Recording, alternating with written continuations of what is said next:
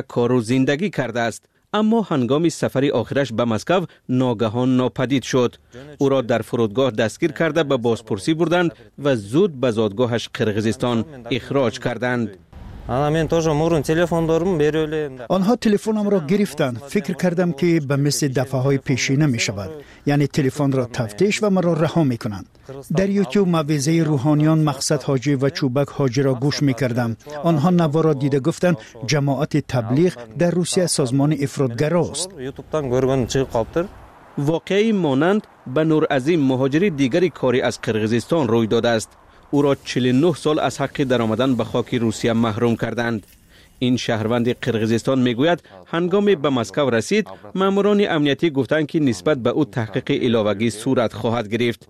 به نقل نور عظیم در فرودگاه اساسا مردان ریشداران نگاه داشته از آنها میپرسیدند که آیا نماز می‌خوانند یا نه. آنها یک قوطی آورده گفتند که تلفن های خود را باز کنید و در اینجا گذارید.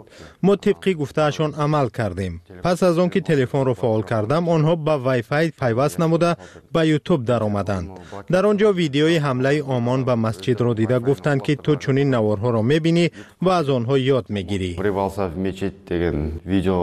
مهاجران بازداشت شده می‌گویند نیروهای امنیتی در روسیه حتی می‌پرسند که آنها از کدام مذهب و رویه پیروی می‌کنند. و یا مسلمان ها چند اید دارند. یکی از مهاجران کاری از قرغیزستان اقرار شد که موعظه روحانیان ممنوع را در روسیه دیده و شنیده است. نیروهای روسیه در ماه فوریه امسال مهاجری تاجیک محمد نبی جلیلوف را برای پهن کردن نوار گروه حماس در شبکه اجتماعی دستگیر کرده و به تاجیکستان سپردند. حقوقدان قرغیزستانی میرلن توکتوبکوف که بسیار وقت با مسئله مهاجران سر و کار دارد به این نظر است که اخراج کارگران خارجی به دلایل مذهبی از روسیه بیشتر شده است. وقتی اخیر مورد های بسیار ثبت شده است که آدمان را برای ظاهر عکس های باریش در شناسنامه یا لباس دینی دپارتاسیا می کنند. در عموم به سبب جنگ در اوکراین چاره های امنیتی را در روسیه تقویت بخشیدند اما این نباید به دینداری ارتباط داشته باشد. من این را به بیگانه ستیزی و اسلام بدبینی پیوند می دهم این در حالی است که به گفته حقوقدان نیروهای امنیتی روسیه نه همیشه درباره مسائل مذهبی آگاهی درست دارند و روحانیان عادی موعظه گو را از شخصان ممنوع فرق کردن نمی توانند در هر صورت او توصیه می که مهاجران پیش از سفر بر روسیه ویدیوی موعظه روحانیان و فتوا و بیانیه های آنها را از تلفن های خود و دستگاه های دیگر الکترونی پاک کنند. صحبت با دوستان در فیسبوک خوب است ولی بیخبر ماندن از تحولات تاجیکستان نه. هم صحبت کنید و هم بیخبر نمانید. با پیوستن به صحیفه رادیو آزادی در فیسبوک. در فیسبوک моро бо номи радиои озодӣ меёбед. Дар даҳ соли ахир миқдори таваллуди кӯдак дар душанбе 31 дарсад афзоиш ёфтааст ки дар муқоиса бо минтақаҳои дигари тоҷикистон ба таври қобили мулоҳиза бештар мебошад. Мақомот ва соҳибназарон мегӯянд ин амр дар пайи кӯч бастани сокинони минтақаҳои рӯстоӣ ба пойтахт сурат гирифта ҳамакнун афзоиши миқдори таваллуд ва зерсохторҳои шаҳрии тандурустӣ ва маориф мушкилоте эҷод мекунад. Мақомот мегӯянд барои афзоиши миқдори муассисаҳои омӯзишу парвариш талошҳое анҷом медиҳанд. Ҷузъиёти мавзӯъро ман искандари фирӯз бароятон пешниҳод мекунам агентии омори тоҷикистон аз афзоиши 74 дарсадии миқдори таваллуд дар душанбе хабар дода онро мизони баландтарин дар тоҷикистон медонад. Мавқеи дуввум ва сеюми афзоиши миқдори таваллудро вилоятҳои хатлону суғд касб карда дар вилояти бадахшон бошад.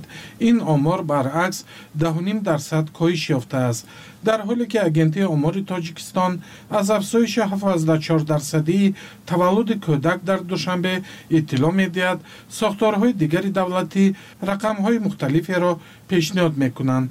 Ҷамолиддин абдуллозода вазири тандурустӣ ва ҳифзи иҷтимоии аҳолии тоҷикистон дар нишасти матбуотӣ ахир гуфт ки афзоиши таваллуд дар пойтахти кишвар дар муқоиса бо як соли пеш тақрибан 4 ҳазор адад бештар шудааст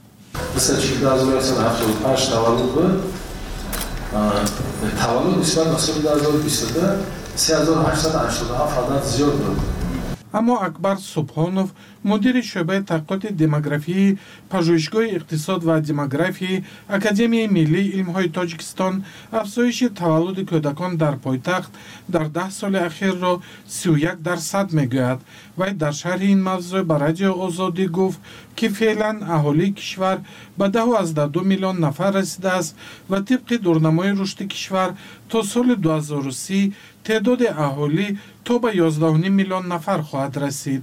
Ба эътиқоди ҷаноби субҳонов афзоиши миқдори таваллуд дар шаҳри душанбе ба кӯч бастани сокинони рӯстоӣ ба пойтахт рабт доштааст ки ин раванд дар солҳои ҷанги дохилӣ охири асри гузашта оғоз ёфта буд. Дар душанбе чӣ хеле ки гуфтам ино аз ҳисоби ҳамин оилаҳое ки аз берун омаданд шаҳриё агар мардуми асли шаҳр бинен асли шаҳра ино ду кӯдак доранд. Хуб хуб равад се кӯдак лекин аксараш дуташ. А ино зиёд шуда ино аз деҳо омадаг акбар субҳонов афзуд ки хонаводаҳои бумии шаҳрнишин бо дар назардошти вазъи иқтисодӣ ҳаргиз ба таваллуди кӯдаки нахустин ё баъдӣ шитоб намекунанд. Аммо ба гуфтаи вай тафаккури рӯстоиҳо ҳар чӣ зудтар таваллуд карданро аз оилаҳои ҷавон талаб мекунад. Ҷаноби субҳонов мегӯяд ҳоло ҳар оила ба ҳисоби миёна се кӯдак доранд ва тибқи барномаи рушди кишвар то соли 2030 сатҳи таваллуд дар ҳамин шумора нигоҳ дошта мешавад. Доктор шамсиддин қурбонов молики дармонгоҳи насл ки ба бордоркунии сунъии занҳои алоқаманди таваллуди кӯдак машғул аст мегӯяд ҳамасола дар тоҷикистон то 250 ҳазор кӯдак таваллуд мешаванд. Ба гуфтаи доктор қурбонов то соли 2000 тақрибан то чил дарсади сокинони бумӣ душанберо тарк карданд ва ба ҷои онҳо сокинони шаҳру навоии дигар бо тафаккури рӯстоии наслофаринӣ омаданд اصلا آنها آمده ام به شهر دوشنبه با تفکر دهاتی خودشان. هیچ وقت کم یه سال در دوشنبه زندگی کرد بود و باش کرد علکه رفتار و کردار شهری نمی شود علال خصوص در رفتاری فرتیلیتش نسل و فریش تفکر دهاتی دارد. بنابراین آنها هنوز هم عاشق кӯдаки бисёр ҳастанд. Яъне ки мехоҳанд кӯдак бисёр дошта шамсиддин қурбонов афзуд ки бо дар назардошти шароити беҳтари хадамоти тандурустӣ ҳоло сокинони рӯстоӣ ҳам талош мекунанд дар таваллудхонаҳои душанбе тифли худро ба дунё оваранд. Чунин ҳолатҳо ҳастанд вале на ба он миқдоре ки тавонанд омури умумии таваллуд дар шаҳрро тағйири ҷиддӣ диҳанд. Ин пизишки тоҷик афзуд ки афзоиши таваллуд ба хадамоти тандурустӣ ва соҳаи маориф фишорҳоеро эҷод мекунад ва мақомот аз ҳоло дар фикри ҳалли онҳо мебошанд. Зеро феълан низ сокинон ба камбуди ҷой дар боғчаҳои бачагона ва муассисаҳои таълимӣ изҳори нигаронӣ мекунанд рустами эмомалии шаҳрдори душанбе ахиран гуфта буд ки танҳо дар соли гузашта дар пойтахти кишвар барои беш аз даҳ ҳазор шогирд шаш муассисаи таълимӣ бунёд шудааст ва ин раванд идома дорад.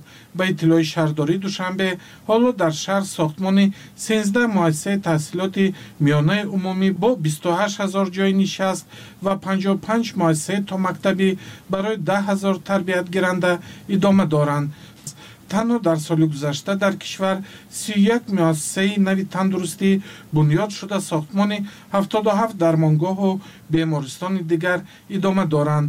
Ҳоло дар душанбе яксаду дувоздаҳ муассисаи табобатӣ аз ҷумла ҳашт адад бемористон ва понздаҳ адад дармонгоҳ фаъол ҳастанд бо ин вуҷуд сокинони на танҳо шаҳри душанбе балки бештаре аз манотиқи тоҷикистон аз камбуди муассисаҳои тандурустиву таълимӣ ва боғчаҳои кӯдакона шикоят мекунанд. Ин арсаҳо пайваста мавриди интиқоди сокинону коршиносон ва худи мақомот қарор мегиранд талоши ҳукумат барои роҳандозии фаъолияти муассисаҳои хусусӣ дар ин арсаҳо низ то ҳол натиҷаи дилхоҳ надодааст нархи таълиму тарбия ва табобат дар муассисаҳои хусусӣ ба маротиб гаронтар аст ва на ҳама аз сокинони тоҷикистон тавони пардохти онҳоро доранд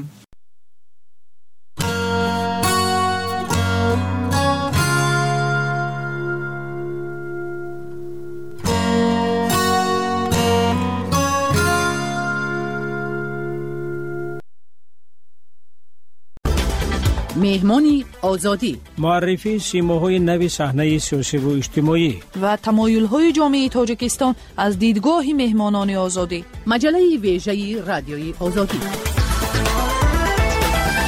درود. به برنامه مهمانی آزادی خوش آمدید. من ارشاد سلیمانی مجری و تهیه کننده برنامه دوام 20 دقیقه با شما خواهم بود. مهمان این شب برنامه ما قاسم آدینبک غارفی است که در پایان سال 2023 در دانشگاه دولتی بخارا رساله علمیش را در موضوع حجوم ارتش سرخ با امارت بخارا و پیامدهای آن دفاع کرد. نخست از مهمانم پرسیدم که چه چیز انگیزه داد که شما در همین گونه یک موضوع حساس تاریخی تحقیقات کنید و رساله علمی نویسید؟ هم گفتن ممکن است. هنوز در دوره شوروی وقتی که من اسپیرانت اکادمی علوم جمهوری تاجیکستان بودم اوید این موضوع کار کردم. هنوز سال 1985 وقتی بعد بازسازی سال 87 88 سال 89 90 علیکه من اسپرانت بودم.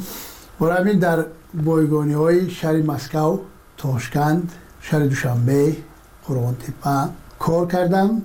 و یکی از انگیزه های اساسیش در اون بود که ارتش سرخ که همشون آزاد کننده معرفی می‌کردن همون دوره همون سالها وقتی که با سال 1985 پریسترویکا به نام دوره گربچوف کشایدن بایگانی ها شروع شد. سورشن سکرید مخفی جای داشتگی حجت ها کشاده شدن. از اونجا من هم سال علک 89 90 با اونایش به این سرشین سکرین و حجت ها شناس شدم. چی دیدید در این حجت ها؟ در این حجت ها بسیار چیزای عجایب را دیدم. پیش از همه اون را دیدم که انقلابی که می‌گفتند که گویا در بخارا با وجود آمده بود این انقلاب نبود دروغ بود.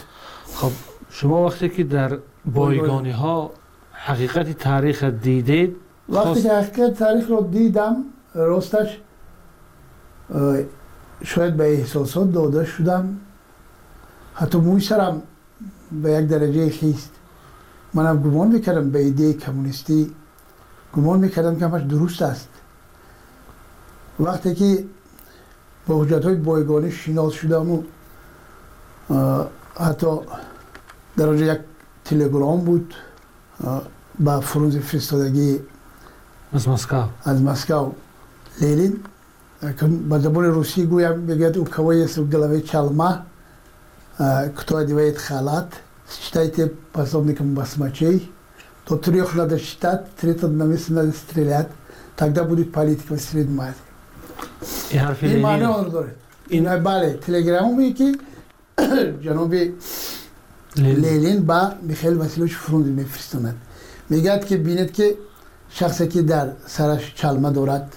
خوب فهمه خب خلط یعنی جیلک خلق جامعه جیلک میپوشد. حساب کنید که اونها یاردمشان باسمچی هستند و تو سه حساب کردن در کار و سه رو در جایش پراندن در کار. اون وقت سیاست میشه یعنی همین حالت شما رو وادار کرد که همین حالت همین اجرایش همین تلگرام بعدا باز حجتی من واخوردم که در همین سیم این زواد حاضره طرف تپای شرقی شرقی طرف تپای غربی بخار شهر دوشنبه در اینجا قریب سه هزار آدم پروندن در کلوب هم میشه از این خاطر همون وقتا نیت کردم که اگر یک روز زنده مونم تاریخ این دوره رو دیگر خیلی باید نوشت. باید مردم داند حقیقت را. باید داند که حقیقت چی است؟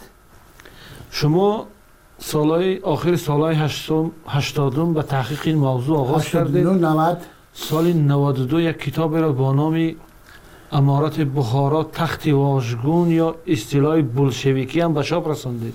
ولی سال 2023 رسالتان حمایت کردید. چرا اینقدر وقت طولانی را در بر می‌دونید چی امارت بخارا تخت یا واژگون یا اصطلاح بولشویکی شما می‌دونید از نام همین کتاب است که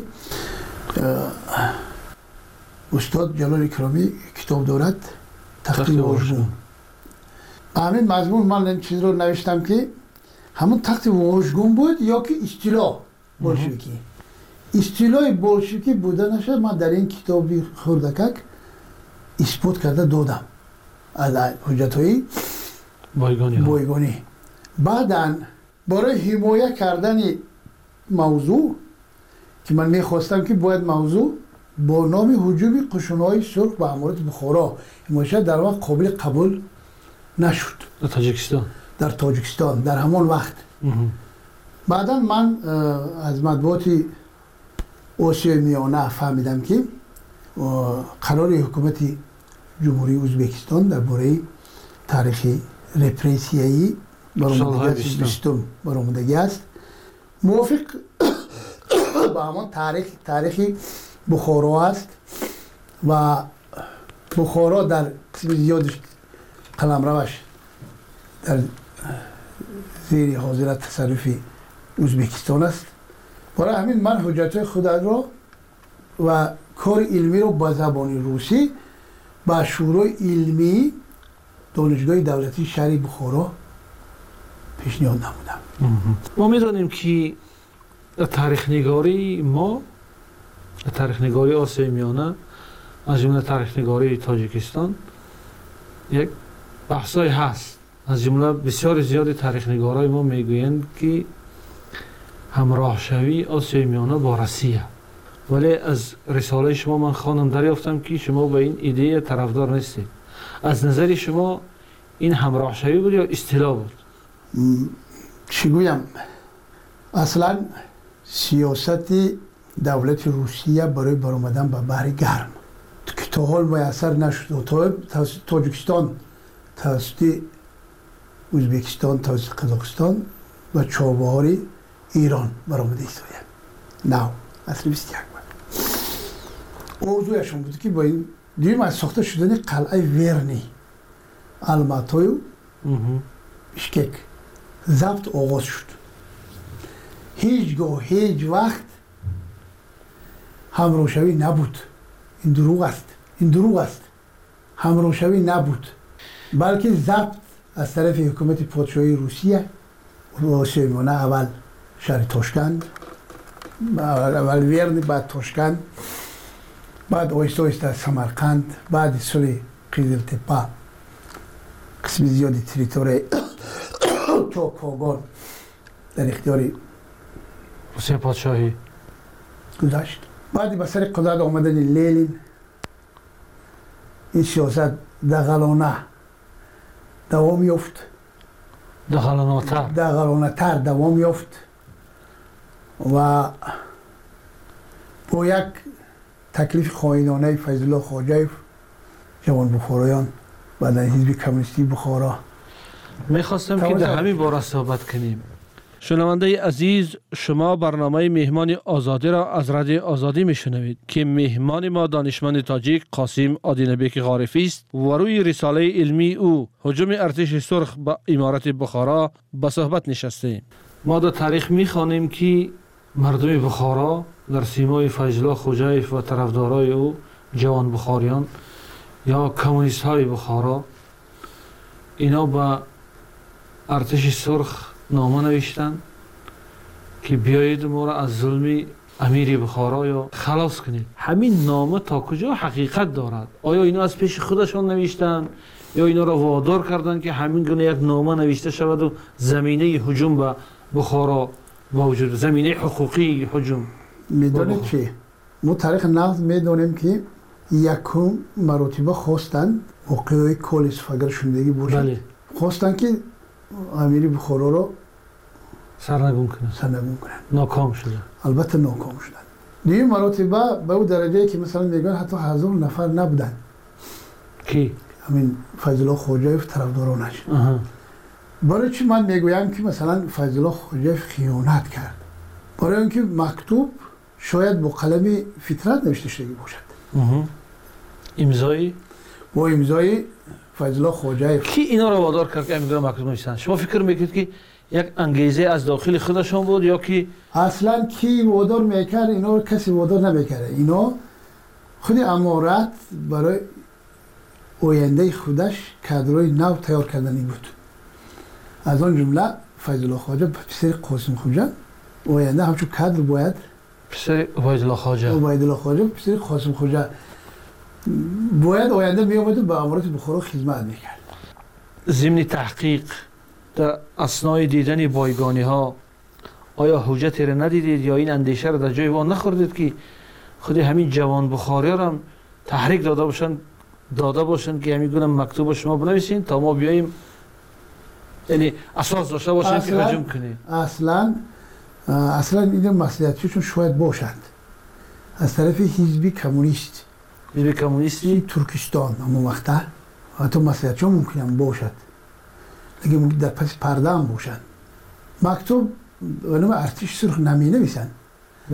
مکتوب به نام حکومت روسیه شوروی. همون وقت ارسفسر به نام لیلی. به نام لنین خواهش می‌کنند که برای سرنگون کردن امارت بخارا به بخارا هجوم. کرده شد برای که خود آنها می‌دانستند که در بخارا کسی را دستگیری نمی کند در قلمرو بخارا کسی آنها را دستگیری نمی کند نه جوان بخارا نه جدیدا نه حزب کمونیستی بخارا را. به این خاطر آنها مکتوب نویسه خواهش می‌کنند. برای همین میام می‌گویم که فیض الله ارزوی امیر شدن را داشت. و این ارزوش به رسید. اگر امیر می‌شد چرا باید نظام امارت از بین ببرد میدان اول نمی‌خواستن که نظام امارت را ببرند. اول می‌خواستن که همین- امیر از تخت بیرون. نه اول می‌خواستن که مونارخ سیستم مونارخ کنستیتوشنی مثل یه اروپا کنند امیر هم جوشته باشد. این سروازیر شود. و سرازیر شود. این خیلی هم بود. دیگرش این که حتی منیفست هم می نویسند خب می, به همین شما می‌دانید به همین. منیفست بیاییم. زیر تاثیر همین جدیدها یا به هر نام دیگری که بعد معمول شدن جوان بخاریان و اینها و زیر تاثیر فشارهای روسیه پادشاهی. امیر بخارا به یک اصلاحات راضی شده. ببخشید. اون وقت علکه علکه به این پادشاهی نبود. حکومت بولشویکا بود. حکومت بولشویکا راضی شد. که با نمایندهش می‌رود ملت قبضان می‌کرد با امیر که امیر به اصلاحات راضی شد. راضی هم می‌شد. راضی شد منیفست اعلام بله. کرد. حتی جدیدان و جوان بخاریان خرسندی هم نمایش کردن شکرانه بله. برگزار کردن. بله. در آثار استاد عینی ما می‌خوانیم که خلاصه استاد عینی این است که یعنی امیر مردم فریب داد. جوان بخاری و جدیدا را فریب داد. اینا وقتی نمایش شکرانه کردن همه اینا را بازداشت کرد. نیمی از اینا کشته شدن. نیمیش در تعبید بود. از جمله استاد عینی را 75 دره می‌زنند و مشاور همین اصلاحات هم روسیه همون وقته بود. برای چی همین اصلاحات با, با فریب انجام شد؟ می‌دونید چی؟ برای اینکه قوه اساسی نبود. هم جدیدا هم جوان بخاران همه کمونیست بخارا در قوه بزرگی نبودن که به حکومت امیری تاثیر خود داشته باشد. به خاطر. به این منفستات شکرانشون اه، جامعه اول یعنی نخواست امیر نخواست که اونا وای کنن. ما می‌بینیم تاریخ می‌بینیم. یعنی این چیزها زمینه می‌شد که گویا زمینه می‌شد که دولت بخارا امارات بخارا از بین برده شد برای چی روسها تصمیم گرفتند یعنی حکومت بلشویکی روسیه تصمیم گرفت که دولت بخارا را از بین ببرد در حالی که این دولت یک دولت نیم مستملکه زیر تاثیر وی بود و تقریبا به همه خواسته های وی راضی می‌شد. چرا باید این دولت از بین ببرد می‌دونید چی؟ همون وقت پیشنهاد کردند که گویا حرکت مقاومت به ضد حکومت شوروی در فرغانه با امیر بخارا علاقه دارد. این یک. دوم گویا که امیر بخارا به افغانستان و ایران و انگلیا رابطه دارد. رابطه دارد و آینده برای یک خیف به وجود آمدنش ممکن حکومت بولشویکی روسیه می‌دانست که. قدرت توانای امارت بخارا ندارد. پیشروی وی را گیرد. حجوم قشنهای سرخ را گیرد. لیکن در مجموع بعدا حال ما وی می‌کنیم. نشان می‌دهد که اگر چنده که امیر قدرت هم نداشته باشد مردم برای محافظت در و بوم برای محافظت ناموس خود برای محافظت وطن خود برخیستند هم در بخارای مرکزی هم در بخارای شرقی هم در بخارای غربی. خود مرکز بخارا. مردم بسیار قیام خیستند یعنی و حتی یا حتی دو مراتبه سه مراتبه اسکری رو از بخارا راندن. یعنی خواستن که پیش از این که این حرکت به کلانتر تبدیل شود خب بالاخره نتیجه این می شود که ارتش سرخ با بخارا هجوم می‌کند. از روی معلومات های تاریخی از جمله از بر اساس نوشته های اکادمیک محمد جان شکوری از روی مسئولیت پیشکی باید احمد جان حمدی رئیس کمیته انقلابی بخارا می‌شد یعنی راهبر دولت می‌شد. ولی استاد شکوری ادامه می‌کنند که حمدی با بمباران کردن بخارا راضی نمی‌شود.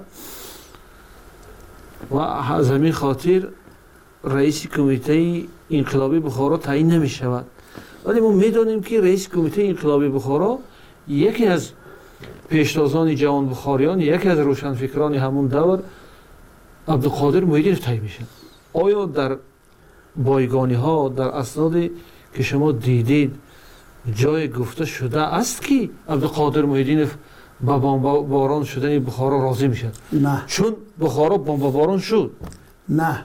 دیگر کسی وقتی که مکتوب می نویسد فیض الله خواجایف حمدی و دیگر کسای امضا میمونند از آن را عبدالقادر مویدی نفهم خواهش می‌کنه که حجوم.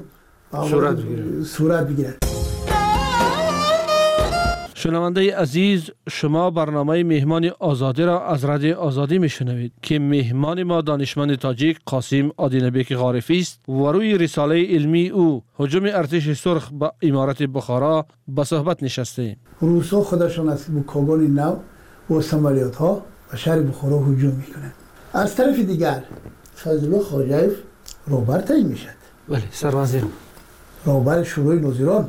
شروع نوزیران تمام ساقه رو در بر میگیردن معارف علم میلیتیا حتی نماینده کمیتر اون وقت می نویسد که در بخارا با جای یک امیر صد امیر پیدا شد. فقط وقتی من بخارا رفتم حتی سال 2022 2023 فقط خانه هایی که اولادای فضل خواجه بود همون خانه ها سوق سلامت موندن. دیگر همه خانه ها زیر بمبای ارتشی سرخ بیان شدگی بود در تاریخ نگاری ما می‌خونیم همین حجومی армияи сурх ё ҳуҷуми болшевикҳо ба бухоро бо номи инқилоби бухоро ёд мешавад баъзе аз донишмандон ба истилоҳи инқилоби бухоро розӣ нестанд чун мегӯянд ки мардум нахиста буд аз назари шумо ин инқилоб буд чӣ буд агар инқилоб набуд чӣ буд ай нуқтаи назари илмӣ дар бухоро замина برای انقلاب وجود هم نداشت. نارضاگی بود. در بعضی جا بعضی مثلا در غرب و در مثلا خود شهر بخارا و دیگر جا بعضی جا ناریزامگی می‌کردن شورش ها بودن. لیکن معنی رو نداشت که برای سرگون کردن سیستما یا سرگون کردن امورت کوشش بخرج کرد. این انقلاب نبود. من شما با گفتم. حتی حزب کمونیست در بین مردم عبوری نداشت. جوان بخاران را چشم دیدن نداشتن. حتی مردم. با یک اصلاحات های مکتب نو دیگر دیگر دیگر چیزا. فکر اندیششون بسته شدگی بود. در بعض جا موفقیت هم به دست آوردن مکتب های نو هم شدن. مکتب های جدیدی هم. لیکن در مجموع زمینه برای انقلاب وجود نداشت. برای انقلاب زمینه باید وجود باشد چیل نوروزگی عمومی مردم. در بخورا وجود نداشت. ناراضگی عمومی مردم در بخارا وجود نداشت. حتی سبب برآمدن امیر بخارا بعد وقتی که بمباران سر می شود از شهر بخارا نمی‌خواست که شهر بخارا ویران شود. حتی مردم از قفای امیر گریه می‌کنند. با تشکر از قاسم آدینبک غارفی برنامه امشب مهمانی آزادی را از رادیو آزادی با پایان می‌بریم. تا برنامه های دیگر خدا نگهبان. بدرود تا درود دیگر.